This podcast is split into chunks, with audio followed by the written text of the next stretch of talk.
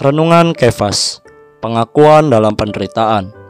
Di dalam 2 Korintus pasal 8 ayat 2 mengatakan Selagi dicobai dengan berat dalam berbagai penderitaan Sukacita mereka meluap Dan meskipun mereka sangat miskin Namun mereka kaya dalam kemurahan. Di dalam 2 Korintus pasal 8 ayat 1, Paulus menyinggung tentang kasih karunia Allah yang diberikan kepada gereja-gereja di Makedonia. Kasih karunia ini adalah Kristus yang bangkit menjadi roh pemberi hayat untuk membawa Allah yang telah melalui proses dalam kebangkitan ke dalam kita untuk menjadi hayat dan suplai hayat kita.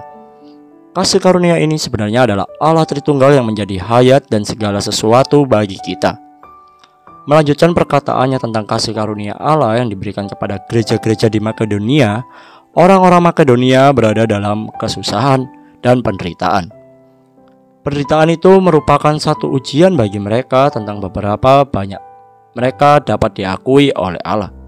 Inilah yang dimaksud Paulus dengan diakui dalam penderitaan. Kapan saja kita berada dalam kesusahan dan di dalam penderitaan, kita harus sadar bahwa Allah sedang menguji kita untuk membuktikan di mana kita berada dan apa adanya kita.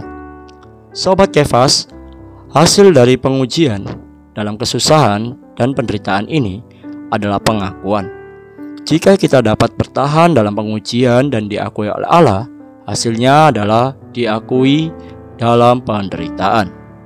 Terang hari ini, bagaimana kita dalam penghidupan yang kekurangan tetap memiliki sukacita yang meluap di dalam penghidupan kita memerlukan kasih karunia dari Tuhan agar menggantikan mamon supaya tujuan Allah tergenapkan. Poin doa.